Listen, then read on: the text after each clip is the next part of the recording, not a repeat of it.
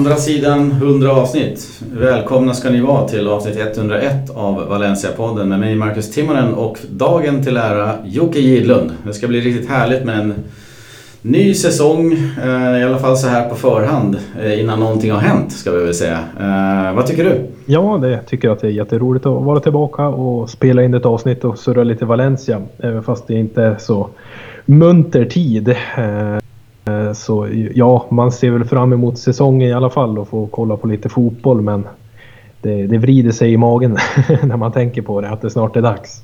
Ja, det finns många magsår i magen. Eh, sen, sen, så kan man väl liksom kanske försöka med god vilja släta över det lite grann med, med en faktiskt hyfsad försäsong med lite vinster och sådär och, och, en orörd säsong framför oss. Så att, uh, vi tänkte väl gå igenom eh, nyheter som vanligt. Eh, sen tänkte vi Eh, ta in två stycken eh, ljudfiler som ni lyssnare eh, så snällt har skickat in till oss och sen prata kring eh, de frågorna som dyker upp där. Och sen tänkte vi gå igenom truppen, lagdel för lagdel för att se vart vi står egentligen inför den nya säsongen och sen lite förväntningar på säsongen och Javi Gracia och vad kan målsättningen vara och sådär. Och sen eh, rundar vi av lite kort med inför Valencia Levante. Vad härligt att runda av med en inför en match, eller hur? Ja, det var på tiden. Det var mm. länge sedan sist nu så det känns bra. Ja, det tycker jag ska bli kul. Levante har vi mött på säsong, försäsongen här också så att uh, det blir en välkänd motståndare. Men vi kan väl börja med lite nyheter och det finns väl ingen nyhet som har poppat upp större än just det här med det som hände för någon dag sedan med Valencia med Anil Mörtel i spetsen då har ju slängt ut Agrupación de Peñas Valencianistas från kontoret där man tillsammans då med Valencia har suttit i 25 år. Eh, en tydlig markering tänker jag då efter att eh, APV gått ut och bland annat krävt då Anil Mörtils omedelbara avgång. Vad har du för spontana tankar kring eh, att de har blivit vräkta? Ja, att de blev vräkta. Nej, det är såklart att man man tänker ju ur, ur våra synvinkel som, som är fans så blir ju botten aldrig nådd. Nej. Och de, de räker ju oss fans så att säga, det är våra representanter. Ja, det, det är ju så, så det är, det är våran röst liksom mm. inuti klubben. Uh, och som sagt när, när vi har krävt hans avgång och, och, sitter liksom vägg i vägg med, med presidenten så känner väl han liksom att uh, ja, det känns väl inte så bra. att de som sitter vägg i vägg liksom vill ha bort mig härifrån. De vill att jag avgår genast. Eh, så jag förstår ju liksom ändå Anil Murti där, att han inte vill ha dem. Eh, men som sagt, det är ju det är ändå våran, våran röst så att säga. Den kickar ut fansen. Nu kan vi inte ens gå på matcherna och ska vi inte ens kunna ha våra, våran fansdelegation på plats. Eh, vad är nästa steg? Ja, verkligen. Om jag förstod det hela rätt så hade de väl blivit erbjudna en lokal någon annanstans och då tänkte jag så här, men är det så farligt verkligen? Och, och sen så kom ju dagen efter, om det var igår eller förrgår, att eh, APV eh, emotsätter sig beräkningen och inte liksom vill gå med på det. Eh, så får vi se vad som händer. Jag tror att om de blir vräkta så blir de vräkta och så. Men, men att de inte bara accepterar och börjar packa saker och ting i kartonger, det är ju kul tycker jag. Att de ifrågasätter det där. Det finns ju faktiskt en historik här, det finns ju en stolthet och det finns ju ett samarbete som har levt i flera år i, i symbios med, med klubben och ledningen och allt det här och så fint man har byggt upp. Och så dåligt som det här har blivit skött av Anil Murti på något sätt. Så, så jag tycker, som precis som vi var inne i förra avsnittet, att det är ju i, i, helt rätt linje att man kräver hans avgång. Men lite som du är inne på också att Ja, vad, vad känner Anil då? Ska vi sitta i samma... Alltså, vi har ju jobbat tillsammans även de här sista sex åren som, som eh, Meriton har varit där så har ju APV liksom, ja, självklart haft sin, sin kritik men inte på det här bassa sättet. Kan man då jobba under samma tak, sitta i samma lokaler och hämta kaffe från samma maskin? Jag vet inte. Är det en slump eller en markering? Vad tror du? Ja, jag tror absolut det är en markering mm. från, eh, från Almörtis sida. Eh, han sätter ner foten helt enkelt och mm. fortsätter liksom på det här att han inte tolererar någonting liksom. Någon som motsätter sig någon eh, i ledningen utan då, då ryker man direkt. Ja, också på det här lilla sättet som han alltid kör att eh, det är lite tystnad, ingenting händer. Han skickar ut någon så här eh, laymans jävla brev som inte svarar på några frågor. Så går det fem dagar och sen skickar han dem från lokalen. Då har han tagit sitt beslut. Det här blev min action. Ingen förklaring, ingenting. Vi Nej, gör så här. Och så här. Men du löser inte problemet. Du är ju bara så jävla oskön. Ja, är vi är tyvärr vana vid det nu. Mm.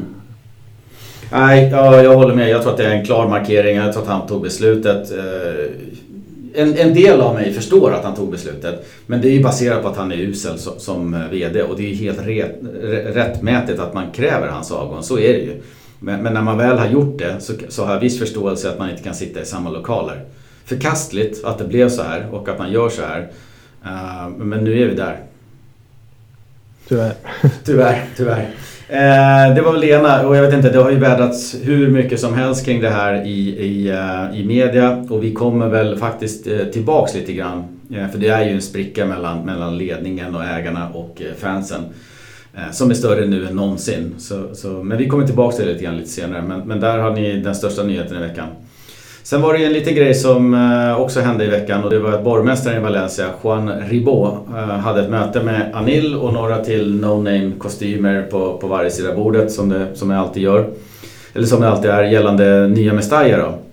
Klubben Valencia har ju haft någon sorts commitment eller ultimatum på att liksom avsluta bygget av nya Mestalla senast maj 2021. Eh, och då färdigställa bostäder på nuvarande Mestalla senast 2025. Eh, för att det där ska överlappa lite grann och man ska kunna flytta från nuvarande Mestalla till nya Mestalla och sen riva och sen bygga bostäder. Sen. Men det har ju skitit sig rejält eh, och situationen börjar nu bli prekär. Vissa skriker lite grann att det är lätt för borgmästare och annat att liksom kräva en massa saker från Meriton just i det här läget i och med att alla hatar dem och att det lite, blir lite populistiskt. Men samtidigt så, så är det ju en klocka som tickar med, med bygget och betongkonstruktionen och liksom det går inte att ha eh, en arena stående sådär. Dessutom så är ju vad jag förstår eh, åtagandet som Valencia har tagit större än bara att bygga en arena. Eh, det handlar ju om någon eh, idrottshall som de ska bygga som de har lovat och som Anil Murti har sagt att jo, jo, men där kämpar vi på och där, där ska vi nog göra någonting eh, i området och sådär. Så att, ah, det, det, har varit en lite möten i veckan och det har varit lite hårda krav och sådär. Staden Valencia begär ju nu att klubben börjar arbeta aktivt med att ta fram planer, ritningar och förslag.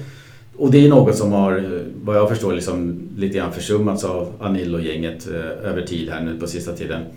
De som fanns som intressenter i, i vintras, ADU Mediterraneo, eh, det konsortiet där då, de skulle ju köpa marken där Mestalla står och Valencia meddelade någon gång i vintras då att eh, ni leder det här racet nu och vi kommer liksom gå in i en exklusiv förhandling med bara er. Så vi förhandlar inte med några andra. Eh, dock så fick inte de ihop finanserna. De hade väl, om jag inte minns helt fel, typ 50% av finanserna klara och man behövde kanske 70%. Eh, och, och, det fick de inte ihop eh, och då hävdes den här exklusiviteten i förhandlingarna i våras. Eh, och sen dess har det inte hänt någonting. ADU kämpar tydligen fortfarande då med att få ihop eh, ekvationen. Men det som eh, var lite intressant här i, i det som kom fram eh, idag då kan man väl säga. Det är att enligt uppgifter då så presenterade borgmästaren och en eh, chefsstadsplanerare Sandra Gomez nyheter om eh, ett annat alternativ då som Valencia och Anil Murti då enligt bekräftade rykten ska sägas inte alls kände till. Och det är ju att nordamerikansk, en nordamerikansk investeringsfond har klivit in och jobbat stenhårt under sommarna för, för att liksom hitta eh, pengarna och en lösning här. Och de har ju lovat då att de kommer lägga ett erbjudande på bordet som gör att Valencia kommer vilja sitta ner och förhandla. Dels så förvånar det väl kanske ingen att, att Anil Murti då har noll koll på det här. Eh, och dels så känns det väl kanske lite positivt då men, men eh, vad, vad, vad läser man ut av den här soppan? Ja, ta ett glas vatten nu Marcus. Ja. Jag lutar mig tillbaks. Gör det. Nej, men till att börja med liksom, att man då skulle avsluta bygget av nya Mestalla eh, senast maj 2021. Det är ju svårt att kunna avsluta något som knappt är påbörjat. Mm. Har, har ju stått liksom där betongsugga nu som är helt förstörd så att man måste ju i stort sett göra om allting. Eh, och, och, ledningen som har gått ut och, och, lovat och lovat att man håller på liksom att arbeta med den här nya arenan och att det, det ska färdigställas. Men det står ju bara där hela tiden. Eh, och att nu då att det ska ha kommit in en ny som ska förhandla med oss, ja, det vet man ju nästan inte om man ska tro på ens. Nej. Det kändes ju som att de förstnämnda här, eh, ADU Mediterrano, att de hade liksom, ja, men var seriösa och, och, och ville ta det här liksom hela vägen. Men som sagt hur våran ledning brukar sköta sig vid förhandlingsbord, ja då kan man ju bara sluta på ett sätt. Mm. Så frågan är om det ens spelar någon roll att eh, det kommer in en ny nu då som ska förhandla med, med Valencia och, att man då går direkt till borgmästaren istället för till Valencia. Det är mm. det liksom som är väldigt anmärkningsvärt. Har man då liksom gjort liksom sin hemläxa och om vi nu är intresserade av att köpa den här produkten som Valencia har, liksom marken eh, där man kan bygga någonting på gamla Mestalla. Ja, då kanske man hellre går till någon mer seriös aktör eller någon mer seriös person som borgmästaren och och chefstadsplaneraren här och Sandra Gomes än att vända sig direkt liksom till två stycken pajasar med Annie Murti och Peter Lim.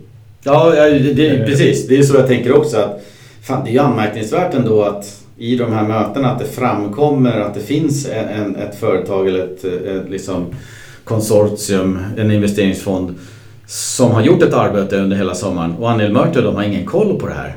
Ja, det ju... vad, vad sänder det för signaler? Ja, det är, som du säger, det förvånar ju ingen liksom att de inte har koll. Nej. Säkert inte heller liksom har koll än så att säga. Nu går väl telefonen het och ringer runt liksom. Vad är det här för någonting? Mm.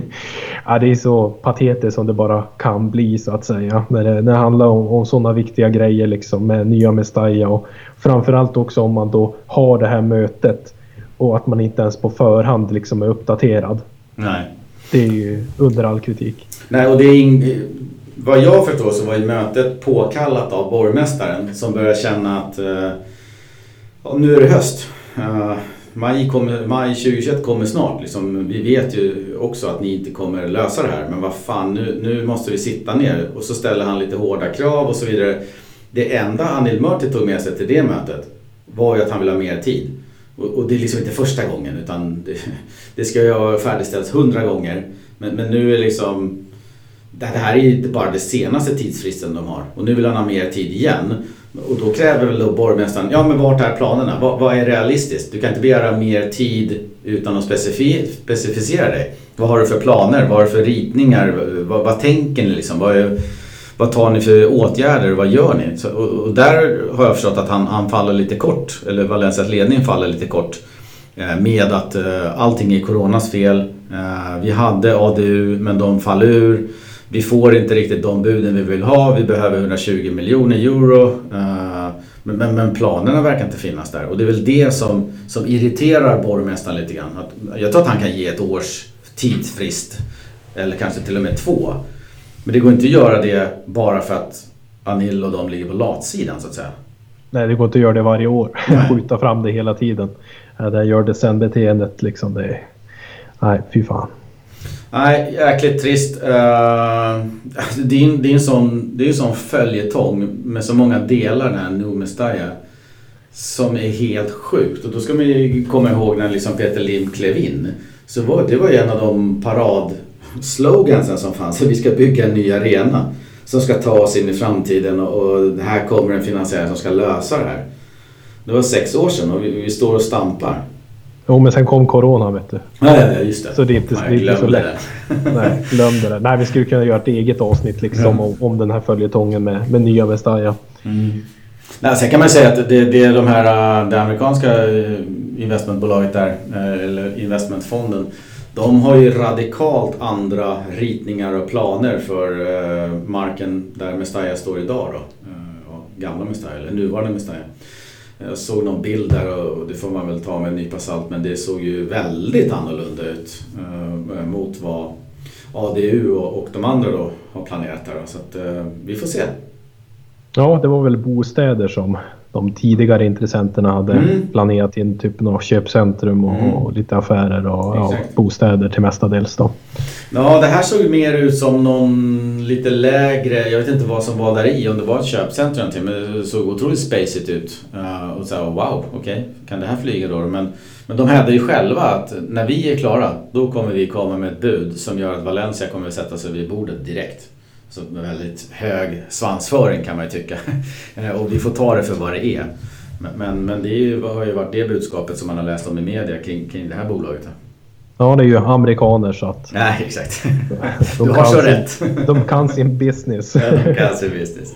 Nej, men vi går väl över till en annan liten grej som bubblar upp idag egentligen. Och, och frågan är om den har bubblat hela vägen. Det är ju Kang Lee. Kommer han spela med nummer 10 på ryggen? Ja, det såg ju såg ut i alla fall. Det var väl Paco Politter som, som skickade ut någonting som han vidarebefordrade från en annan källa. Liksom, att mm. det var avslöjat då tydligen att eh, det är Kang Lee som ska ha nummer 10 på ryggen. Eh, spontana känslan känns ju som att det här är ju en direkt order från ledningen och mm. Peter Lim och Anne Mörti. Nu ska det säljas tröjor i Asien. Mm. Så vette duga. Eh, nej men det känns väl inte heller självklart även fast eh, truppen är liksom brutalt avskalad som det ser ut just nu. Så känns det väl inte självklart heller att Kang Li liksom är det första namnet som Xavi Gracia kritar ner i startelvan. Och en nummer 10 sitter ju sällan på bänken. Mm. Så det, det, är ju ett statement liksom att ja, men här är våran, våran stjärna, våran asiat liksom. Vi är också asiater. Mm. Nu, nu, nu ger vi han nummer 10 på ryggen. Och skeppade man Parejo gratis för att man ska göra tian ledig. Det känns ju nästan som att det är på den nivån de lägger sig, Anel Möte och Peter Lim. Ja, verkligen. Sen så kan jag tänka sig, om man, om man tittar på truppen liksom, eh, så vad, vad har vi för nummer 10-spelare Eh, i truppen. Så känner jag att ja, men Kangeli är ju en av dem. Nu är inte han liksom en startspelare, eller har inte varit det i alla fall. Men, men han är ju en, i min bok, eh, en nummer 10. Så, när, när, han liksom når sin fulla potential och är en startspelare. Möjligtvis om Soler kliver in. Så, men vi har ju liksom ingen nummer 10 just nu i och med att vänsterbacken är lagkapten och så vidare. Kondogbe är väl ingen nummer 10 och... Nej. Så, så att, ja, är den ledig, fine. Uh, om det boostar honom på något sätt, uh, fine. Men, men, jag är inne på samma spår som dig att här vill man, man, man har snöat in på något sätt på Kangeli och, och, och, i sak så säger jag inte att det är fel. Det är ju en jättetalang och kan vi få honom att blomma Ingen skulle bli gladare än jag. Liksom. Jag hoppas ju samma sak och, och kanske till och med tror det. Men, men det jag har sett hittills och, och med det som en nummer 10 bär med sig av liksom krav och förväntningar så, så har jag inte sett det från Kangeli än. Nej, det, det instämmer jag mm. absolut på. Eh, och, och, det kanske är också liksom att det kommer inte komma in någon, någon hetare liksom eh, än Kangeli som vi redan har i truppen. Mm. Det värvas ju ingenting heller så att som du säger, den kanske bara var ledig. Mm. Sen tror jag att det var, var det Niklas som var och, och skickade ut lite grann på Twitter där också att nummer 10 Valencia är inte liksom, ja, men lika stor som kanske 21 eller mm. ja, dylikt heller. Men även där så har man väl sett Montoya och springa runt med 21 på ryggen. Mm. Så att ja, det är ju trots allt bara ett nummer men som du säger, kan det boosta honom eller på något sätt? Det finns ett signalvärde ändå i nummer ja. 10. Ja men det gör ju det. Det gör ju det liksom. Det säger ju någonting om någonting i alla fall. Ja. Sen tänkte jag fråga, har du också fått ett paket hem med liksom eh, strandtofflor, spanska eh, flaggan på och en tröja med spanska flaggan eller är det bara Gabriel som har fått det? Ja, jag tror faktiskt det är, det är Gabriel som har fått hem det. ja, det är det. Varför? Ja, nej, men det, jag såg på, på hans Instagram stories så hade han väl lagt ut där lite bilder eh, på det här, det här kittet då. så det kan ju tyda som att han har fått sitt spanska pass nu äntligen efter många om och men. Mm. Och, och, det är ju positivt för då har vi liksom, utgör vi ju en plats till i utlänningskvoten här nu då. Så vi får väl Min se fråga var vad bilden visade. Hade han hällt ut en tvättkorg bara med grejer? Det var väldigt mycket prylar där och så fanns det väl en spansk tröja och ett par spanska badtofflor. Och så lite annat. Ja, så det, det, det, vet man ju inte riktigt om man kom direkt från tvättstugan. Men, men som sagt, jag brukar inte liksom tumla mina tofflor i alla fall. Så att, någonting är det i alla fall. Vi får se vad det leder. Om man kanske har ett spanskt pass och, och, vi kanske kan värva en uh utländsk spelare till truppen då om vi slipper den, tre spelare man får med icke-EU eh, medborgarskap. Ja, det blir väl Neymar eller Cavani eller mm. något sånt där. Då skulle jag tro. Morio har vi snackat om. ja. Otamendi och. Petzella har det där i FI också. Men det är som sagt det är spelare som ligger på en hylla som vi knappt når upp till. Det får ställa sig på en rejäl stege och palla Mörti. Jag vill se Annie Mölte ringa till uh, Otamendi bara. Tjena gubben! Fan, jag har en bra grej på gång här borta. Är du sugen på att komma hem? Bara, Nej, vem är du? Vadå hem? Liksom. ja, exakt. Nej, det- jag vet inte. Men Valencia har väl en ny partner också eh, och ett nytt hjälpmedel? Ja, det s- gjordes ju officiellt på deras hemsida att de har eh, knutit ett, ett avtal med B-coach App. Mm. Eh, som då blir en ny partner och ett nytt hjälpmedel då för eh, våra tränare. Eh, en ny teknik eh, där man kan sköta allt ifrån kostscheman till individuell träning och kollektiva spelövningar, taktiksnack. Eh, även spelarna själva kan följa sin utveckling. Man kan sätta upp som en, en utvecklingsplan så att säga. Vart är man nu och vad ska man förbättra och hur når man dit och så vidare. Allt så här minnesnotiser, allt möjligt kan de ha, ha i den här appen då. Mm. Eh, Det är ju liksom ett, framförallt ett verktyg för tränarna att ha, ha lite bättre koll och få en lite bättre översikt. Och, och så. Det kommer framförallt användas i, i B-laget och U19 till Mm. att börja med. Sen tror jag väl att Xavi Gracia får väl bestämma själv då om det är något verktyg som han vill använda. Och det känns ändå positivt tycker jag. Alltså en partner är alltid bra att knyta upp. Uh, och, och verktyg är alltid bra att ha. Men att man inte liksom trycker det ner i halsen på Javi Gracia och säger att det här ska du använda. Utan man, man börjar på en annan nivå och säger att vi börjar här. Sen får ju han anamma det om han vill. Men har han någonting annat så måste man ändå respektera det liksom. Uh, och det känslan här är att man kanske har haft en rätt approach till, till den här partnern. Uh, och en ny partner är alltid kul liksom. Ja, ja men det är ändå pengar in så att säga. Mm. Så det, det är ju positivt. Och det enda liksom Xavi Gracia kommer få nedtryckt i halsen är Kangin Lee. Ja, precis. Så är det. Eh, sen ska vi väl... Fan, ska vi runda av med lite Anil Mörter igen då? Han, eh, dels så eh, lyser ju eh, nyförvärven då med sin frånvaro. Jag tror att det är åtta spelare ut eller någonting och, och ingen in. Eh, sen kan man väl argumentera för att Ratchis och Centeyes då kan, kan ses som nyförvärv, eller vad man ska säga, om de nu ses som tillräckligt bra för truppen. Då är de i alla fall nya in i truppen för en säsong. Men han har gett lite intervjuer på det här och han började någonstans att ge en intervju med att han, han ser ljust på det här. Uh, faxen står och brinner i hörnet med spelare som vill spela i Valencia och så vidare. Den intervjun gav han till Batscene som är eh, en eh, fullständig propagandakanal där eh, skribenter från, vad jag förstår, eh, Straits Times eh, som är Singapores, ja jag tänkte säga, eh, största är det ju, men jag tänkte säga enda också tidning. Som, som på något sätt säkert kontrolleras av Peter Lim eller något sånt där. Men det är ju skribenter från Straits Times i Singapore som skriver artiklarna på Batsy. Uh, en kille och, och eh, två tjejer, eller en tjej och två killar tror jag som skriver. Och de jobbar ju på liksom Straits Times i Singapore. Så det är singaporianska människor som skriver det här det, och det är ju verkligen bara en diktaturpropagandakanal som, som vill visa upp kanteran i nio delar och bla bla bla. Så att Anil Murtis intervju i den blaskan eller forumet eller vad fan det nu är. Den skiter vi i.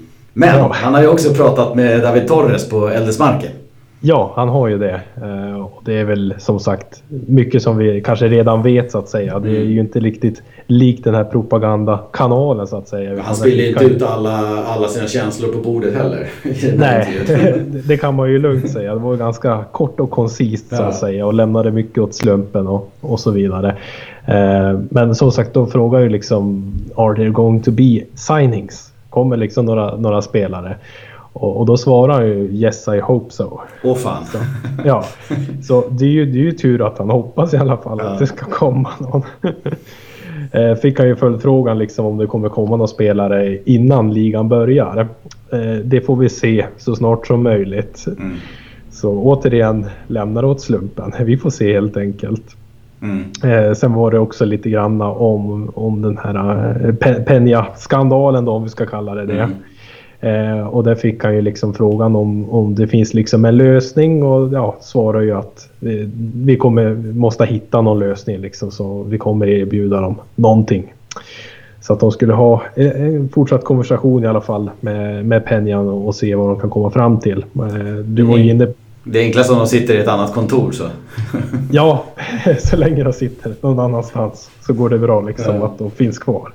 Ja, men det är ju som du var inne på liksom att de möjligtvis då ska bli erbjudna en, en annan lokal. Mm. Eh, sista frågan som de var inne på där. Eh, är ju liksom att eh, återigen då om Xavi Gracia kommer få några nya spelare innan säsongen startar. Och där var det ju bara liksom hope so. Hoppas mm. det. Så det är ju som sagt skjuter ifrån sig hela tiden. Kan aldrig ställa upp och svara liksom ärligt på en fråga eller någonting. Utan kollar man då på propagandakanalen där faxen går het liksom. Mm där liksom alla vill träna Valencia och alla vill spela i Valencia så säger väl det här någonting i alla fall om, ja. verkligheten. Nej, och, och, han säger egentligen ingenting. Han hoppas på, på saker som man liksom känner, ja men det, vi hoppas väl för fan alla uh, att det blir några värvningar. Uh, så. Jag menar har man sålt så många spelare eller givit bort så många spelare som Valencia ja. har gjort Uh, och, och, möjligtvis bara tagit in liksom Racic, Jason, uh, Centellas och Escuerdo då som kommer liksom utifrån men ändå liksom är ägda. Så, så saknas det ändå folk uh, på många positioner där, där, där vi behöver förstärka. Uh, sen är det kopplat till ekonomin såklart där man, där man hävdar att vi behöver sälja för ännu mer. Om då Sillisen eller, eller någon till behöver gå, fine. men jag vet inte, tre, fyra dagar innan premiären sitta och hoppas på att det kommer nyförvärv. Det är så sorgligt, jag vet inte vad jag ska säga ens en gång. Ja, Fan vad jag saknar det, Alemani. Ja, nej, men det är ju ett tecken på att han inte har någon koll. Han vet inte om de för en dialog med någon spelare eller inte. Han har nej. ingen koll överhuvudtaget. Ja, de spelare som har fört med dialog med, liksom, nu vill inte jag ha Pepe Reina eller liksom alla de här, men Borja Majoral till exempel. Alla de har ju ruttnat och sen, nej, jag har inte hört någonting på, på en vecka. Fan, säsongen börjar, jag har lite andra, nu sticker jag till Italien eller nu sticker jag till Portugal. Liksom. Alla de som har bollats upp, spelare som, som verkligen verkar ha varit intresserade till exempel Maria, de har ruttnat allihopa. Ja, men de är ju antingen på väg eller redan har nya klubbar. Mm. Men det, han tar en bärs på stan istället liksom, och snackar skit. Fan vad det kommer bilder på han sitter och dricker ja. Estrella Galicia med Svebai och de andra lirarna där. Hela tiden. det måste vara jobbigt för honom att tänka fan jag tar en lunchbira här. Och så står det alltid någon jävel med telefon och, och fotar. Ja. ja sluta dricka bira och fan signa spelare istället. Ja, du kan dricka bira på kontoret bara du ja, precis. tar hit någon jävel. Ja. Eh, men det var väl egentligen det vi hade kring eh, nyheter. Självklart så skulle vi kunna ta upp spelare in, spelare ut, jada jada. Men det, det är sån jävla soppa på något sätt. Så jag vet inte om vi orkar ge oss in i det där. För det händer ändå ingenting. Anil Murti verkar inte ha pengarna för att göra någonting, eh, eller kompetensen för den delen. Så att just nu så tror jag inte att det kommer någon spelare de närmsta dagarna och de ryktena som finns, de kan tagit en helt annan riktning nästa vecka. Om vi nu blir av med till exempel Sillisen och får in, ja, inte fan jag, man hoppas ju kanske på 15 i alla fall, men vi får se. Eh, så, så att eh, vi, vi, det finns väl mängder med nyheter om transfers, men vi vi har en, en eh, silly season update på svenska fans som ni får hålla er till godo med. Ja det kommer här i, i dagarna ut en uppdatering där på all den blaska som skrivs. Så. Mm.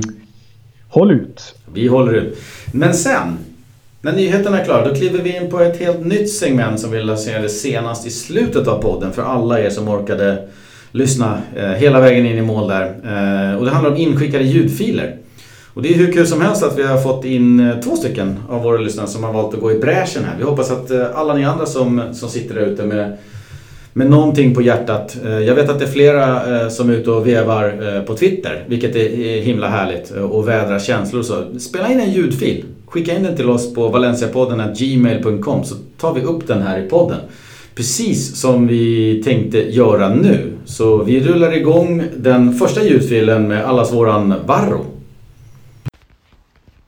Känna på den, Varro här.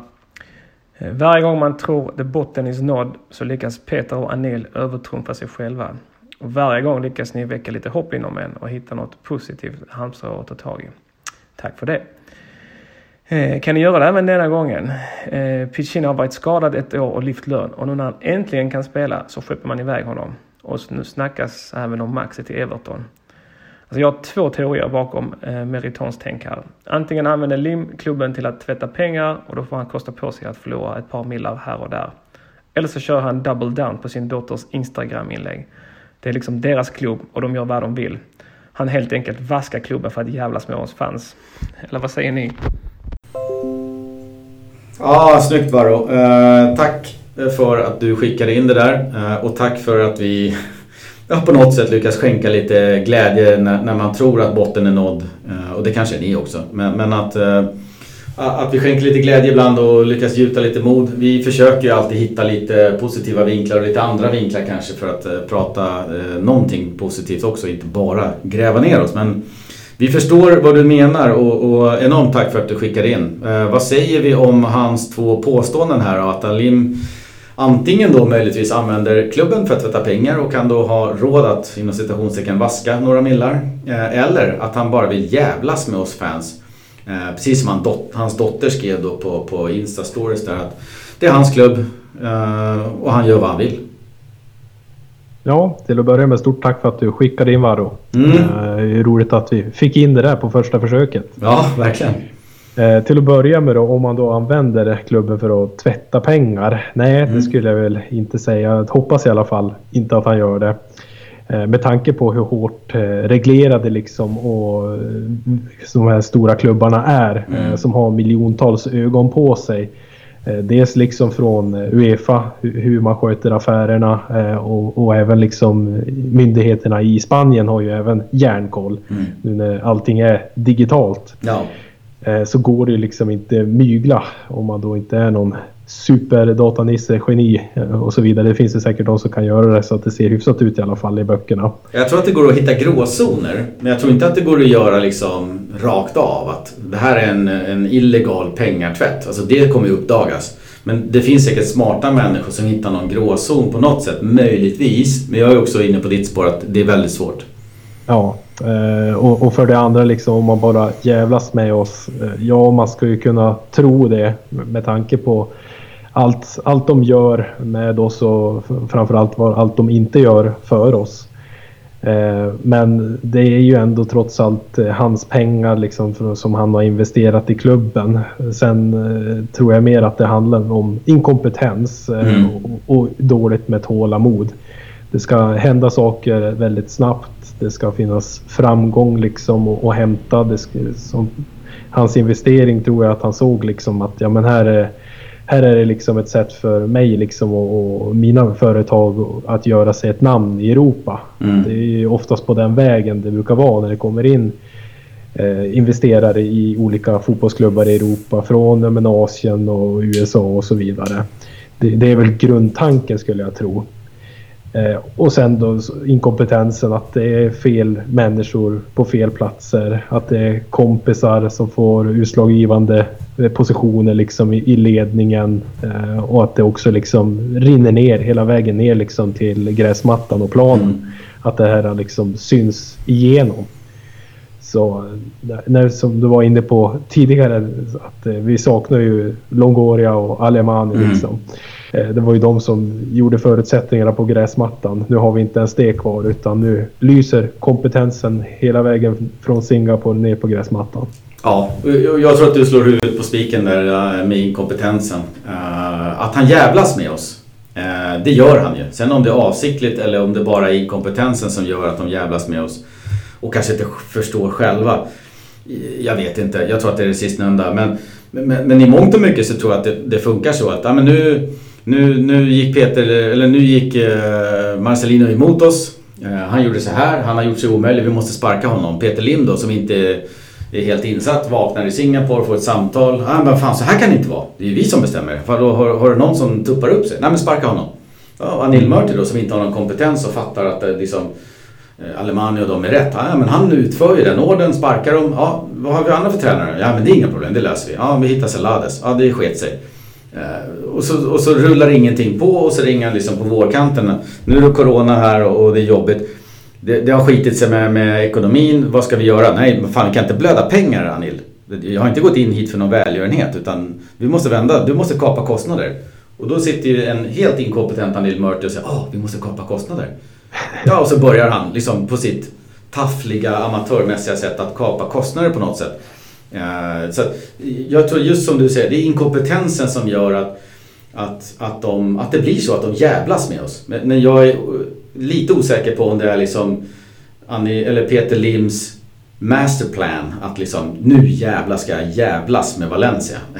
det, det tror jag inte. Utan det tror jag att han, han är inte tillräckligt insatt i det dagliga, vad som händer, hur man sköter en fotbollsklubb vad man behöver för typ av personer runt omkring. Utan han säger liksom nej Anil, vi kan inte blöda pengar, du måste kapa kostnader. Sen kliver det liksom en, en huvudlös tupp in och, och bara vevar med någon jävla stav och säger du ska gå, han ska bort, du är gammal, du är skadad, hej då, vi skänker spelare hit och dit. Oj, det vart ännu värre, vad fan gör vi nu? Och då, då, ja. då basunerar man ut nå någonting i sina kanaler om att nah, men glöm nu inte att uh, Peter Lind klev in med 200 miljoner och annars hade Valencia konkat. Så att, skyll inte på oss. Bara, nej, men fan. Ja, nej, men det är som, visst Valencia var ju dåligt skött ekonomiskt eh, när Peter Lim klev in i klubben. Liksom. Var ju mm. på ruinens brant, på konkursläge. Mm. Eh, så visst, han räddade möjligtvis oss. Det hade säkert funnits någon annan också som hade kommit in istället. Då. Men i, det här fallet så blev det Peter Lind som kom in och, och räddade oss i citationstecken. Och, och liksom redan där liksom började ju nedmonteringen sakta men säkert. Eh, att, eh, vi hade ju ändå liksom en bra spelartrupp. Vi hade ju ändå bra tränare. Vi hade liksom en bra organisation eh, generellt liksom med vettiga personer ändå på plats. Mm. Som skötte den sportsliga biten. Eh, sakta men säkert så har ju liksom ja, men, personer fått ryka mm. varenda år. Och nu har vi kommit så långt så att vi är nere på spelare som ryker. Ja, nu visar det sig att ekonomin är körd i botten. Som vi var inne på förra avsnittet. Att eh, fan, efter framgångsrikaste säsongen ekonomiskt sett så, så, står vi här liksom. Fan, Sevilla står någon annanstans. De var inte i Champions League förra året och fick de 65 miljoner eller vad vi fick. Varför, varför står vi här och bara skänker bort saker? Ja. Inkompetens. Ja, inkompetens. Det, det, är mitt slutgiltiga svar. Så jag vet inte. Eh, om man ska välja en av de här två Varros alternativ så, så, tror jag nog att han omedvetet jävlas med oss. Eh, beroende på att han har satt en helt inkompetent VD på posten. Ja, vi landar väl där om vi måste välja något av alternativen. Ja. Så jag, jag, jag tror att jag skulle skriva ett tredje alternativ som är lite mer utförligare. Men om jag ska välja ett av de två så blir det nog så. Ja. Vi eh, gör så att vi tackar Varro än en gång, jättekul. Eh, sen så kliver vi på nästa klipp. Vi har ett till från eh, Johannes. Låt oss höra vad han har att säga. Hallå podden! Grattis till 100 avsnitt förra veckan. Jag vill bara säga att eh, jag lyssnar varenda avsnitt. Tack för att ni ger av er fritid. Fortsätt leverera. Sjukt kul att lyssna på. Sen eh, måste jag bara säga att eh, botten är ju aldrig nådd och eh, jag tycker det är helt sjukt det här senaste som har dykt upp med APV och hanteringen utav det och att de nu är bortvisade från Mestallas lokaler, inklusive vår egen Penja Che Scandinavia. Eh, ja, vad ska man säga? Det är bara genomuselt alltihopa och eh, det finns inget sätt att laga det här på. Sprickan är total och jag ser fram emot när Spanien öppnar upp och folk kan gå på fotboll igen. För jag ska så gärna vilja höra Mestallas reaktioner eh, på, på Anil Murti och hela ledarskapet. Eh, reta inte upp Valencia-fans, reta inte upp Mestalla. Tack, tack, tack Johannes. Dels för ditt eh, mycket bra förslag att vi skulle köra de här ljudfilerna. Eh, och tack eh, för 100 avsnitt eh, och dina fina ord. Eh, det är fan helt sjukt att vi håller på i 100 avsnitt måste jag säga. Men, men eh, det är ju för att det är så kul. Eh, och, och, det är kul att eh, ni lyssnare också, eh, i alla fall du Johannes, tycker att det är kul att lyssna. Annars hade vi inte hållit på. intressanta tankar.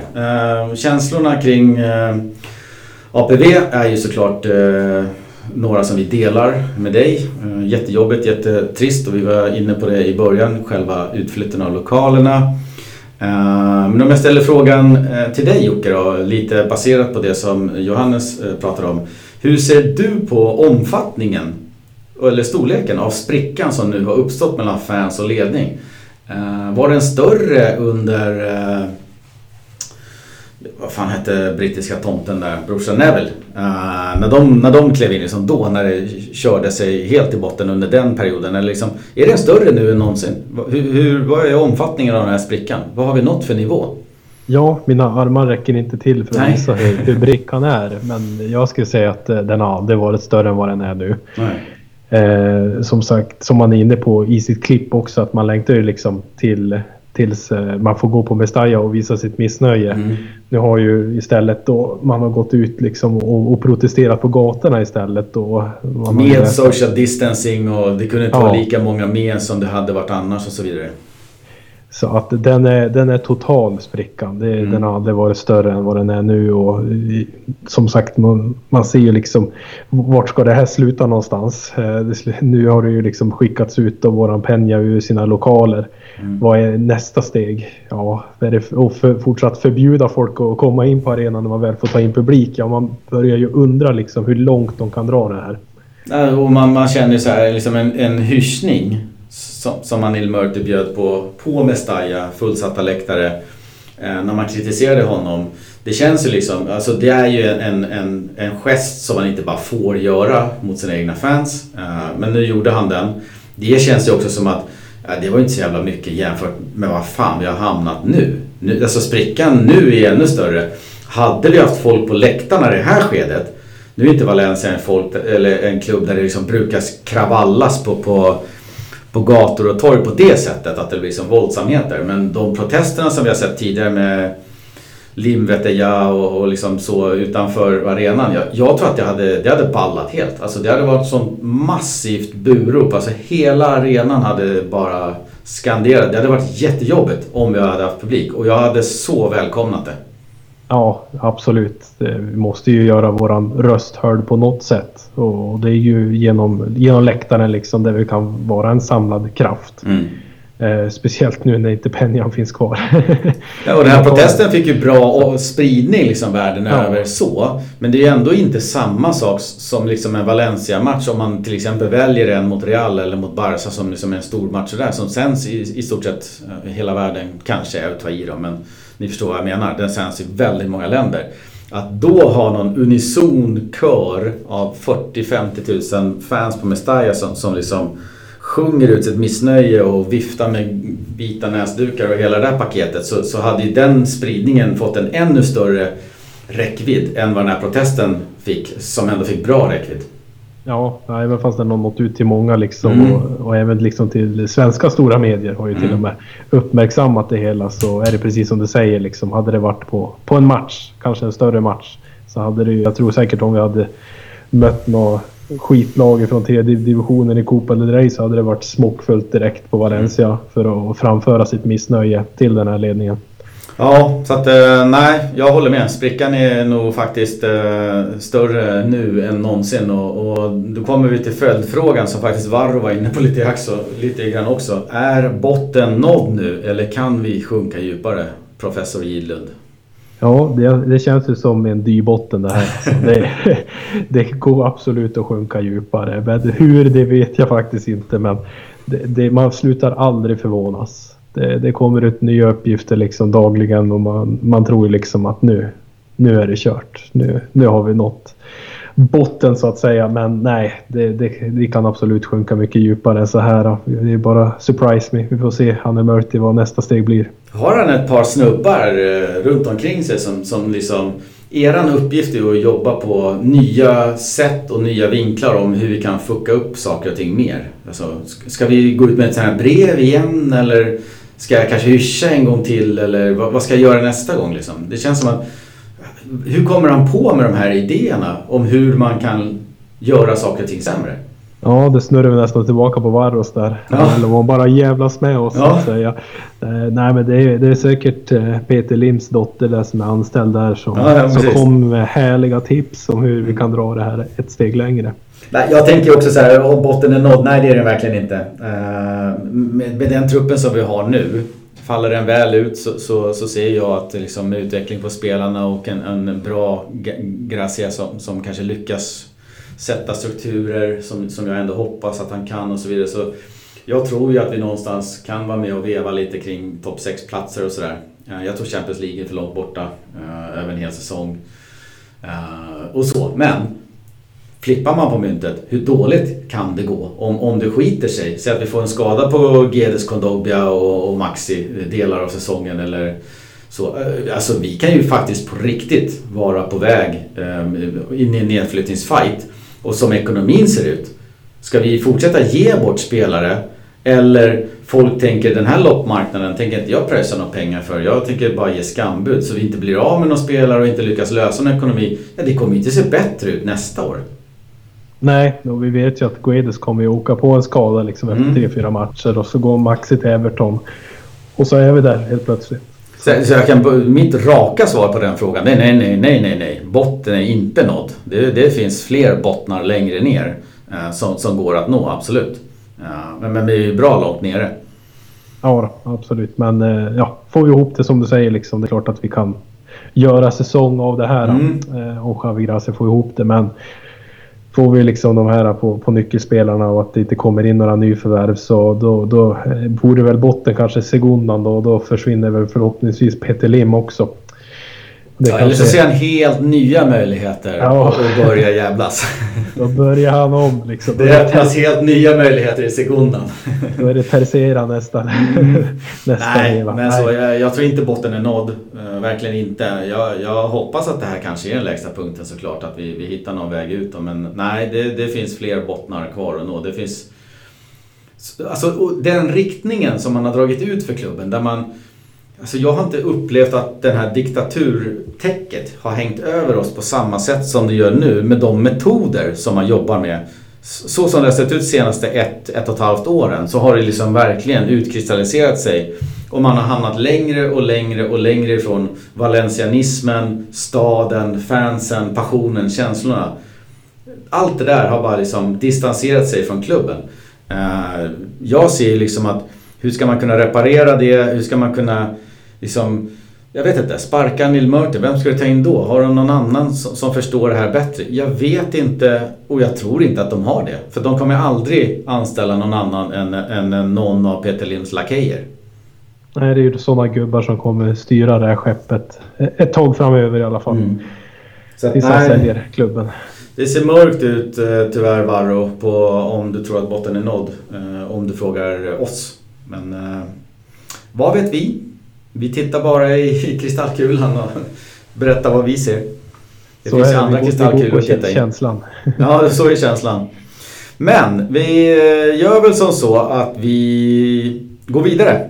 Tusen tack för de här uh, ljudfilerna och jag uh, hoppas att ni andra kände att det här var jättekul och att ni känner för att spela in också några korta tankar, ord eller frågor eller bara gå loss som George Costanza en gång sa. Let fly like Mussolini from the balcony. Fan släpp allt och bara ös på. Eh, så tar vi upp det i podden så, så får du våra reflektioner på det sen. Ja, ja det behöver, behöver inte vara någon fråga. Nej, exakt. Ut, ut med dina känslor och tankar. Ja. Så kan vi ventilera dem här också i podden. Exakt. Eh, kul inslag faktiskt. Tack Johannes för tipset. Men vi tänkte kika lite grann eh, framåt då. Nu tar vi på framtidskikaren och kollar på truppen, eh, på spelarna lagdel för lagdel innan vi går in på Levante-matchen. Eh, och vad passar då bättre än att kika på målvakterna? Vi har ju i dagsläget då Sillisen och Schaume, precis som förra året. Ingen försämring, ingen förbättring. Däremot så vet vi ju att Sillisen är en sån spelare som man funderar eller vill kanske hitta en annan lösning på. Då. Eh, och då är frågan vem som kommer in istället. Vi har ju han Rivero va, bakom Christian eh, som är tredje målis då. Jag ser ju inte att han och Schaume skulle kunna axla eh, första andra slirren på något bra sätt. Men, men, men i dagsläget, Sillisen och Schaume. Ja, eh, som, som du säger liksom att det är samma samma som förra året. Eh, och frågan är nu vart vi har Sillesen någonstans mm. eh, som finns med liksom på den här transferlistan.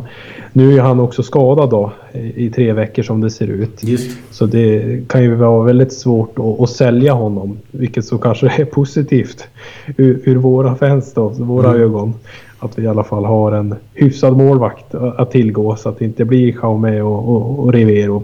På, ja, det som är bra här det är att Sillisen fortfarande står i landslaget. Han är ju en klar etta liksom. Ja, ja men han är ju det liksom och det säger väl något i alla fall att vi har ju ändå Nederländernas, eller Holland om man så vill, mm. deras landslagsmålvakt mm. att tillgå. Så att, eh, men det är svårt att ta ut en given etta tycker jag. Men jag förutsätter att Javi Gracia, om jag tror vad han tror så, då att Sillesen är hel så kommer han spela. Ja, och jag, jag ser att Sillisen har både större kunnande, eh, erfarenhet och eh, kompetens i målet än vad Schaume har.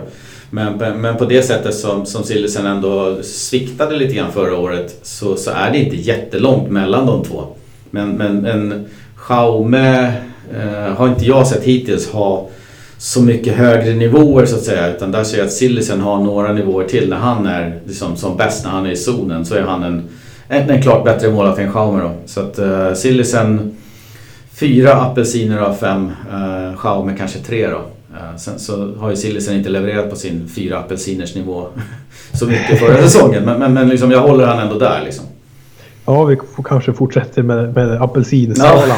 Ja. jag tänkte ta getingen, men vad fan. Ja, det kändes lite. Vi över backar då. Vi har ju Piccini till äh, Atalanta. Eh, ska vi stanna till där en stund lite grann? Eh, vi har ju lite tunt på högerbacksfronten och har ju kört vass där. Eh, och nu hade vi Florenzi, andra halvan av det här året va? Han ville ju komma med till, till EM.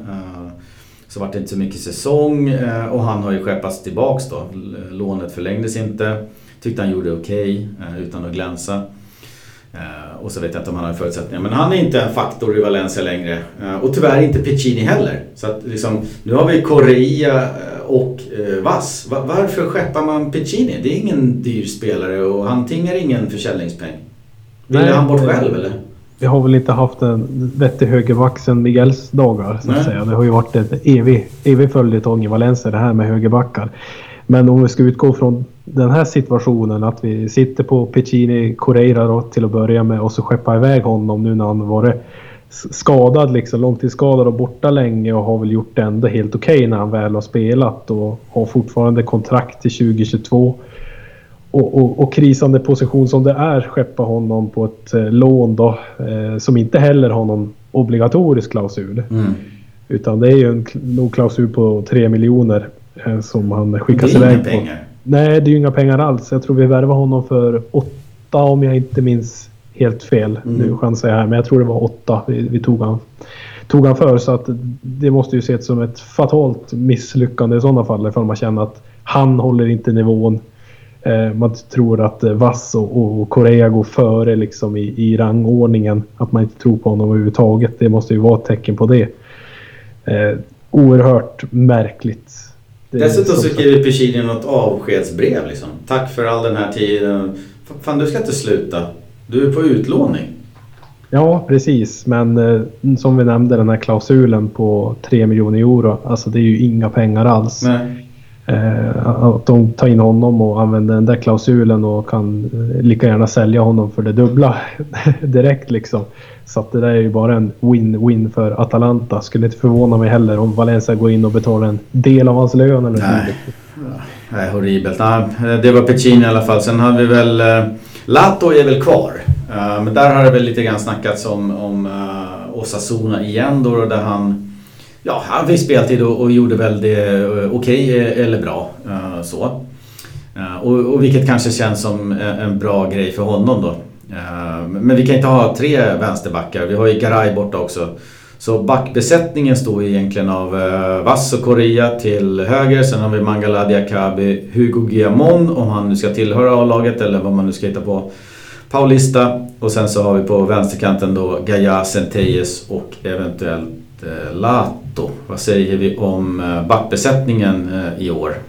Ja, om vi börjar med vänsterbacken. Eh, som du var inne på, Lato till Osasuna känns väl logiskt. Mm. Att han skulle gå liksom när vi även har en Centejes som knackar på dörren. Och Centejes tycker jag har sett eh, bra ut på försäsongen. Mm. Eh, väldigt eh, duktig liksom fysiskt tycker jag. En välvuxen grabb. Mm. och det är ju bra att ha han som ett komplement liksom mot en lite mindre Gaia.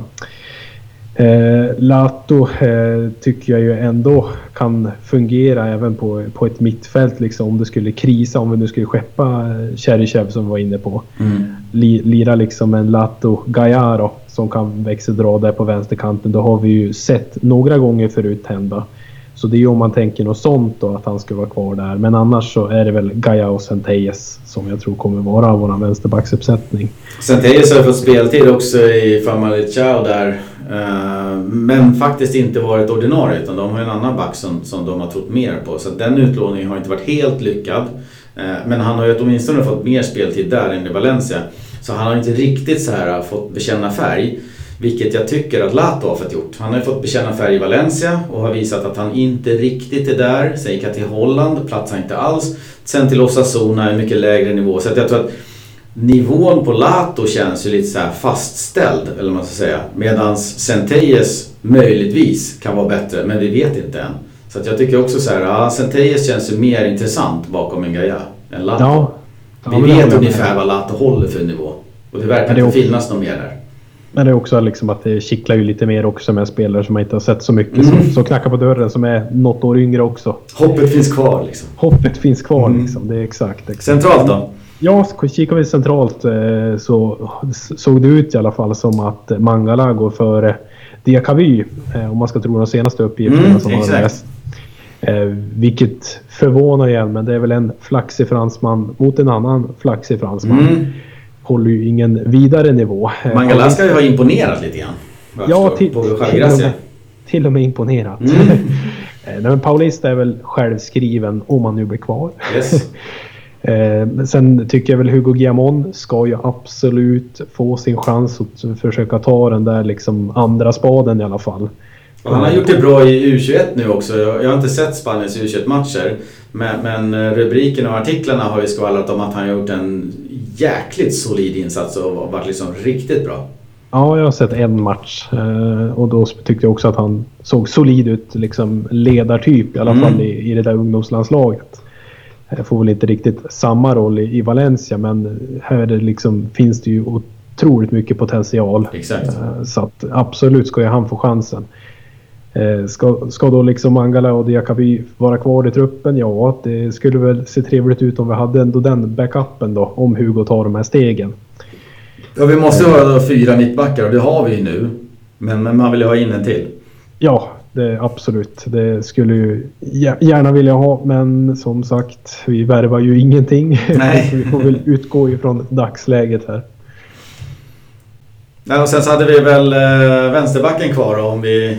Gaia är cementerad där liksom. Vad, vad, vad har vi mer? Ja, du var väl inne på det med Centeyes då, mm. som, eh, som tar den andra spaden. Men Gaia är ju såklart självskriven. Jaime Costa är ju borta i Villarreal nu och eh, ja, han... Det, det var väl en duglig eh, vänsterback så när Gaia var borta. Eh, han gjorde sina misstag och sådär men... Nej, det är inget jag, jag sörjer över. En, en, en trevlig kille, bra lojal spelare, härlig frejd och frid och så men, men liksom nej. Ingenting och då tar jag hellre en Centeyes tror jag. Eh, eller faktiskt till och med nästan en Lato. Eh, så vi får hoppas att Gaia är hel för då har vi en världsklass vänsterback. Ja, det var ju ytterst märkligt tyckte jag det där att man skeppar iväg både Lato och Centeyes på, på lån. Mm. Samtidigt som man lånar in en 30-plussare liksom som, som ska täcka upp den positionen istället när det redan fanns i laget. Ja, lite så. Han fick nog lite för mycket speltid också i och med att Gaia var trasig. Ja, det var väl det man kanske inte kunde förutspå på, på mm. förhand då att ja, både Lato och Centeyes behövde speltid för att utvecklas. Så att man mm. hittade den typen av lösning. Men så här i efterhand så är det väl lätt för mig i alla fall att säga att det där var ju dumt gjort. Ja. Vad tror du om Korea då? Finns det någonting där eller liksom är det bar, barlast på, på den här båten? Ja, alltså det måste ju finnas någonting. Eh, du var inne på det innan vi spelade in här mm. att han har ju ändå gjort det bra i, i U-kamperna för mm. U-landslagen liksom och, och varit tongivande där och startspelar och allting. Men eh, ja, han får ju såklart bevisa sig mer om han ska vara med i, i diskussionen. Eh, nu är det ju en extremt tunn position men Vass lär väl gå före även fast Javi Gracia har uttryckt att han vill använda Vass på, på ett mittfält. Mm så har vi ju inga högerbackar nästan. Så att det lär väl sluta med att Vass spelar där ändå och Korea får, får komma in successivt. Och det är det man tänker är så jäkla märkligt för att hade du behållit Piccini så hade du då haft ja, dels tre högerbackar i Korea, Piccini, Vass. Men du hade också lösgjort Vass för en, en, en mittfältsroll. Alltså central mittfältsroll då som det verkar eh, eh, Gracia vill spela honom på. Eh, och där han liksom kan fungera då, inte för att jag tycker att han är särskilt bra där. Men där vi också är tunna, där vi har skeppat Parejo och Coquelin. Eh, nu verkar det som att man liksom man väljer att skicka Piccini för ingenting och så ska man då vänta in en central mittfältare på något sätt. Eh, jag får inte riktigt ihop tanken där. Nej, det är svårt att få ihop den ekvationen. Sen har vi även Jason som Mm. Spelade också en del ja, wingback-liknande roll i Getafe i alla fall. Förra mm. säsongen som han var utlånad till. Som kanske också kommer vara med liksom i ekvationen. Men vi får se. Oerhört märkligt. Piccini hade väl varit mitt första val om man nu ska lira vass på mittfältet. Så ja, vi får se. Något tunnare och något svagare eh, backlinje skulle väl jag säga med reservationen att det kan vara en förstärkning på väg in då. Uh, och, och, Jason får väl vara våran uh, lilla brygga över till mittfältet då. Uh, där han också kan spela eh, som wing. och på mittfältet så har vi Parejo och Coquelin till Villarreal. Vi har Ferran till Manchester City. Återstår då, då i truppen är ju på vänsterkanten Cherish Geres centralt Kondogbia, Kangin Racic eh, och, och, sen så har vi väl då en Carlos Soler som har spelat mycket höger men kan väl också spela centralt och så en eh, Jason. Har vi någon mer där? Vi har Esquerdo kanske va? Ja, Esquerdo har vi också under A-lagskontrakt. Mm. Så han kan vi också peta in i, i det där. Hur ser det ut förra året jämfört med år? Ja, såklart svagare än förra året. Eh, om man inte liksom kan se någon utveckling på de här nu då. Mm. Eh, skulle väl se såklart att Guedes eh, till vänster eh, är självskriven. Det är väl vår största stjärna i laget nu då. Mm. Om man inte ska tro Peter Lind så är det väl Kang In Precis. Eh, centralt så skulle man väl äntligen vilja få in Soler tillsammans med, med Kondogbia. Även Kang In då till, till höger skulle jag vilja sätta honom då, så vika in från kanten. Det blir väl ganska obalanserat på, på kanterna. Liksom. Man har väl inte Solers eh, defensiva egenskaper i Kang In Lee inte på alls. samma sätt. Nej, inte alls ska mm. vi säga. Så att det blir väl lite, lite skevt om man ska tänka så. Då. Men ställer man upp med ett 4-2-3-1 eh, då så skulle man kunna köra Kang In Lee som en tia och ändå få in liksom Soler eh, centralt då. Mm. Tillsammans med Kondogbia. Men hur man än vrider och vänder, på det här så är det ju såklart svagare än fjolåret. Så mm. här mm. måste vi ju verkligen få in någonting. Framförallt då om Vass ska vara ner på, på högerbacken och gröta. Ja. Jag ställde frågan till Niklas förra gången. Hur ser du på Ratchis liksom? Är det en spelare som... Han, han har ju varit ordinarie i Famalicão. Famalicão, jag vet inte hur man uttalar det. Men uh, han, han, har ju varit given på deras eh, centrala tremanna mittfält så att han har varit på högerkanten där jag förstår de ja, fyra, fem matcherna eller någonting jag har kollat då. Och sett bra ut eh, så. Inte så att han har glänst och liksom han är för bra för den här ligan. Men, men de har ändå varit ett topp 5-lag hela säsongen. Eh, och tagit vinster med honom på planen. Eh, nu på träningsmatcherna så tycker jag att liksom, jag, jag ser spelförståelse, absolut. Jag ser fina fötter. Eh, men han har, han har en väldigt stor kroppshydda och jag tycker att han har, känns lite tung i vändningarna sådär. Nu har ju han sagt att han har varit väldigt tungt tränad och han har känt att benen är tunga. Eh, och försäsongsmatcher är vad de är. Eh, men med det sagt, jag gillar Racic. Jag, jag skulle gärna nog se han att han, han tar en, en, en A-lags, ett A-lagskontrakt med Valencia. Att vi liksom, nu kör vi honom. Ja, men jag håller med dig. Det man sett på försäsongen har ju ändå sett eh, lovande ut. Mm, för, det har funnits saker där. Framförallt hans eh, fötter som du är inne på, både mm. vänstern och högern ser ju riktigt, riktigt fina ut. Så det är ju kul att kunna ha liksom en, en sådan i, i Parejos frånvaro som kan slå några avgörande bollar. Eh, ska ju såklart bli, bli spännande att se om man då lyckas ta sig en tröja. Det är ju en tvåvägs mittfältare skulle jag vilja säga. Mm. Eh, bra både defensivt och offensivt och har ju liksom räckvidden med sin storlek. Så där finns det ju absolut ett råmaterial. Så jag hoppas verkligen att Javi Gracia kan få ut det också och, och få en lite bättre tränad. Han är också en av de här spelarna som liksom rankas ganska högt eh, i sin ålder så att säga. Att här, här finns det verkligen potential. Eh, den frågan jag ställer mig lite grann det är om han har liksom Eh, Eh, La Liga-tempot i sig eh, på så sätt när, när, det, när det snurrar igång. När vi möter Atletico och Sevilla och Barca Real och liksom de här toppklubbarna har Rachis tempot i sig. Jag tror inte att han liksom har det som kanske Coquelin och, och som Parejo de har i sig men liksom, ja, jag, jag vet inte. Jag hoppas det, men, men det, det, har jag inte sett. Och jag är lite tveksam på just det där farten i tanken att det kommer gå så mycket fortare i La Liga och det kommer krävas så mycket mer. En duglig arbetare och en, och en råtalang eh, som liksom kan utvecklas, fine. Men jag har inte sett än att han har det tempot.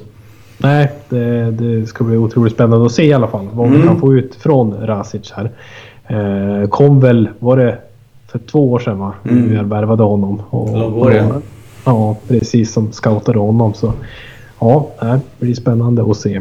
Kikar vi på anfallet då. Uh, där har vi väl Rodrigo ut. Uh, och, och, det smärtar ju att säga att vi inte har Sobrino ut. Men, men han är kvar uh, tillsammans med Vallejo och sen har vi Gamero och Maxi. Och jag menar, kikar man på det så Gamero och Maxi det är ju två bra anfallare. Eh, speciellt Maxi. Sen har vi två sämre anfallare i Vallejo och Sobrino. Man jobbar väl på Sobrino att få ut honom. Det verkar som att Vallejo blir kvar i brist på annat på något sätt eller i brist på möjligheter att agera på marknaden så, så blir väl han kvar. Uh, och det som jag varit inne på tidigare, man gillar ju Vallejo för kämpainsatsen och så vidare men nej. Uh, än så länge har inte kvaliteten funnits där så att det är tunt på anfallsfronten va? Ja, extremt tunt. Också, jag, ni gjorde väl det förra avsnittet, men jag får väl också uttrycka sorgen jag känner för att Rodrigo har lämnat mm. Valencia. Så det, det gjorde ont på riktigt. Uh, när det väl hände liksom? Fan. Ja, ja men det är som även Parejo när han gick, även fast jag kände liksom att det gjorde jäkligt ont så kändes det ännu mer när Rodrigo lämnade. Mm. Man blev ju ledsen, rent ut sagt. Ja, ja. Riktigt tråkigt. Men Max är väl liksom en, eh, det är väl två anfallare och spjutspetsar. Jag tror vi saknar en Rodrigo-typ i den här eh, uppsättningen av fyra anfallare. Ja, nu ska vi inte gråta utan nu ska nej. vi blicka Nu blickar vi framåt. Va, vad ser du i kikaren? ja, nej men alltså jag, jag har ju liksom inte all, jag har ju aldrig tyckt om Gamero ska väl sägas. Eh, jag tyckte det var en felvärvning från första början och mm. jag tycker det är fortfarande fel att han finns med här. Även fast han gjort en del viktiga mål för oss så är det ingen spelare som jag ser någon framtid med. Eh, så jag hade ju helst sett Maxi och Vallejo, att man testar den duon. Eh, och göra ett samarbete däremellan. Maxi med, med sitt fysiska spel, bra som target, bra räckvidd och även en måltjuv som, som kan göra mycket mål. Tillsammans med en mer liknande rivig, löpvillig Vallejo. Lite Santemina light mm. får man väl ändå säga. Eh, annars om man då skulle vara ett 4-2-3-1 som vi ska leka med uppställningarna så är ju Maxi såklart given liksom som, som ensamanfallare. Att man har en Kangin Lir och lite släpande bak som, som kan växeldra och kanske lite mer lik Rodrigo i sitt spelsätt också. Och i vissa lägen har ju Valencia kört med Gedes också lite grann på topp. Eller ja, väldigt nu... offensivt i alla fall. Ja, nu är det så jäkla tunt mm. på mittfältet också så då har vi liksom ett till hål i båten som ska, ska lappas över om vi gör på det viset. Mm. Eh, men om vi ska i alla fall utgå från de ordinarie positionerna så hade jag gärna sett dem Axi och Vallejo tillsammans. Mm. Eh, och Gamero kan väl vara bra att ha och kasta in så att säga. Han har ju ändå en rutin som han besitter som ingen annan har i truppen. Vad ska du göra med Sobrino då? Ja, jag tänkte att vi kan väl göra en Parejo. bara att lösa kontraktet. Rycka luren till Villareal. Hallå gubbar, vi har en till present. Ja, hörru du vi glömde ju Sobrino, han ingick ju. Han ingick i paketet. Ja. Nej, det är ofattbart att man inte blir av med honom. Ja, det är horribelt. Man kan skeppa kaptenen och vår bästa anfallare. Och, mm. ah, herregud. Men den här jäveln kan vi inte bli av med. Bort med karln. Ja. Nej, men det var, det var väl truppen egentligen och, och bra tankar. Eh, vi, vi, vi, håller väl en positiv... Alltså, ställer du upp de 11 bästa med, med Sillisen, eh, Vass, eh, låt säga då Hugo Guillamon, Paulista, Gaia, Gedes, Kondogbia, eh, vad hade vi mer? Ska vi säga Soler, Kangin, Maxi och Gamero. Ja, men det, det, det, är en, det, är en, det är en bra La Liga 11 liksom. Men, men sen rammar det ju helt bakom det. Det finns ju ingen kvalitet bakom de 11. Nej, det är ju chanskort liksom i Squerdo, Rasic och Mangala som ska liksom bredda truppen. Och Correa och Sobrino och liksom ja. Squerdo, Jason. Extremt tunt alltså. Ja, så att det, är en underdrift. Så, och det kommer inte hålla att ha den elvan hela tiden så att eh, där har du utmaningen tror jag. Uh, och med tanke på det då, Javi Gracia, tränare, vad, kan vi liksom ha för förväntningar att han får ut av den här truppen? Ja, jag har ju gillat det man har sett och läst i alla fall. Mm. Eh, på förhand så kändes det som att vill den här gubben verkligen komma till det här sjunkande skeppet? Ja. Eh, och tydligen så vill han ju det. Mm. Eh, så det man såg i Watford liksom såg ju ändå lovande ut. Det såg ju bra ut. Liksom. Han fick ju inte kicken därifrån för att det gick kast. Utan det var ju annat som ställde till det. Mm. Med ledningar som gör som de gör. Får vi se om han får erfara detsamma här. Om mm. det börjar dåligt. Men eh, de förväntningar man har det är väl att han ska i alla fall försöka sätta en spelidé. Sätta liksom ja, men en elva som man tror på. Och liksom undvika totalt kaos, nedflyttning. Utan uh, hamna liksom på, på, nu går vi lite in på, på andra frågan nästan mm. som vi kommer till här. Men i alla fall bli ett stabilt lag liksom som, eh, som inte släpper in allt för mycket mål och ser kollektivt bra ut. Ja, jag tycker liksom om man kollar på ingångsvärdena som han får. Så är det en, det är en skithand som han får jobba på. Han, han vill ha förstärkningar, han vill ha liksom olika saker. Han får ingenting. Eh, nyckelspelare efter nyckelspelare lämnar. Så att förvänt eller förutsättningarna som han har är ju faktiskt riktigt dåliga. Ska man säga. Han, han har ju en trupp som, som inte riktigt håller liksom eh, vatten. Uh, däremot så, så de förväntningar som jag har på honom med det sagt. Det är att han, han och, och, det verkar han jobba på god väg att göra. Att han sätter en, eh, som du säger, en spelidé. Han sätter liksom grunder som spelarna kan känna sig trygga i. Allt det där. Men också liksom någon typ av sätt runt klubben, runt laget. Att så här jobbar vi, så här tränar vi, den här attityden har vi. Eh, och, så här gör vi saker och ting. Och där verkar han också ha väldigt bra metoder. Vad man, vad man hör från eh, reportrar och supportrar och, och spelare. Så mm. verkar det vara ett, han verkar liksom sätta ett bra paket på plats. Eh, utan att han liksom, han har, han har ju inget svängutrymme för att ta in sitt folk. För det gör ju Anil Murti med hela, hela medicinska teamet och what not liksom. Du har väl den här Shema Sands då från andra laget. Jag tvivlar väl på att han är Gracias första val liksom som andra tränare och så vidare. Men, men, men, han som tränare verkar jäkligt bra. Så att förväntningen är att han, han gör det bästa av situationen. Och, och det tror jag att han kommer göra. Eh, vad det räcker till, det vet jag inte. Det får vi komma in på nästa fråga. Ja, det var ännu bättre sammanfattat. Mm. Realistisk målsättning då? Ja, det, Versus det, Valencias och Anil Murtis målsättning. Vad, vad, vad, vad hamnar vi någonstans? Vad är realistiskt? Ja, det realistiska är väl liksom om, om vi leker med tanken att vi har liksom en skadefri säsong eh, nästintill då liksom och, och, och sätter det här som vi pratar om med, med en spelidé och ett omklädningsrum som fungerar tillsammans så skulle vi absolut kunna liksom försöka ta en Europaplats. Mm. Det hade ju varit liksom det, det bästa scenariot. Men det kan ju lika gärna bli liksom en mellansäsong. Att det blir en tolfte plats eller mm. tionde plats eller dylikt. Vilket jag tror är vart vi kommer hamna. Någonstans där mellan 10 12 plats. Valencias målsättning det är väl att bestiga Mount Everest liksom och, och vinna ligan och erövra Europa och Kang Li vinner skytteligan i Champions League nästa säsong. Det, det, är liksom där deras målbild är. Ja, jag, jag tror eh, precis som du att faller allting på plats med, med utveckling på spelare så kan vi slåss om en, eh, en topp 6-placering. Sen om vi tar en, det är en annan femma, men, men där kan vi hamna. Jag tror att om mina förväntningar eller min realistiska tro om vart vi hamnar, så vi är ett mittenlag nu med den här truppen, så, så tror jag att vi är det.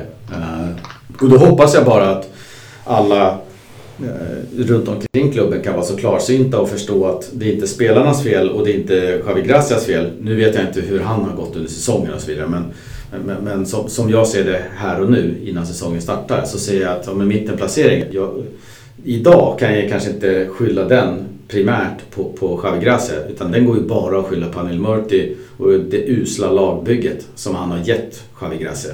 Eh, så jag hoppas inte att han får gå som någon eh, syndabock i oktober för att det går lite sämre.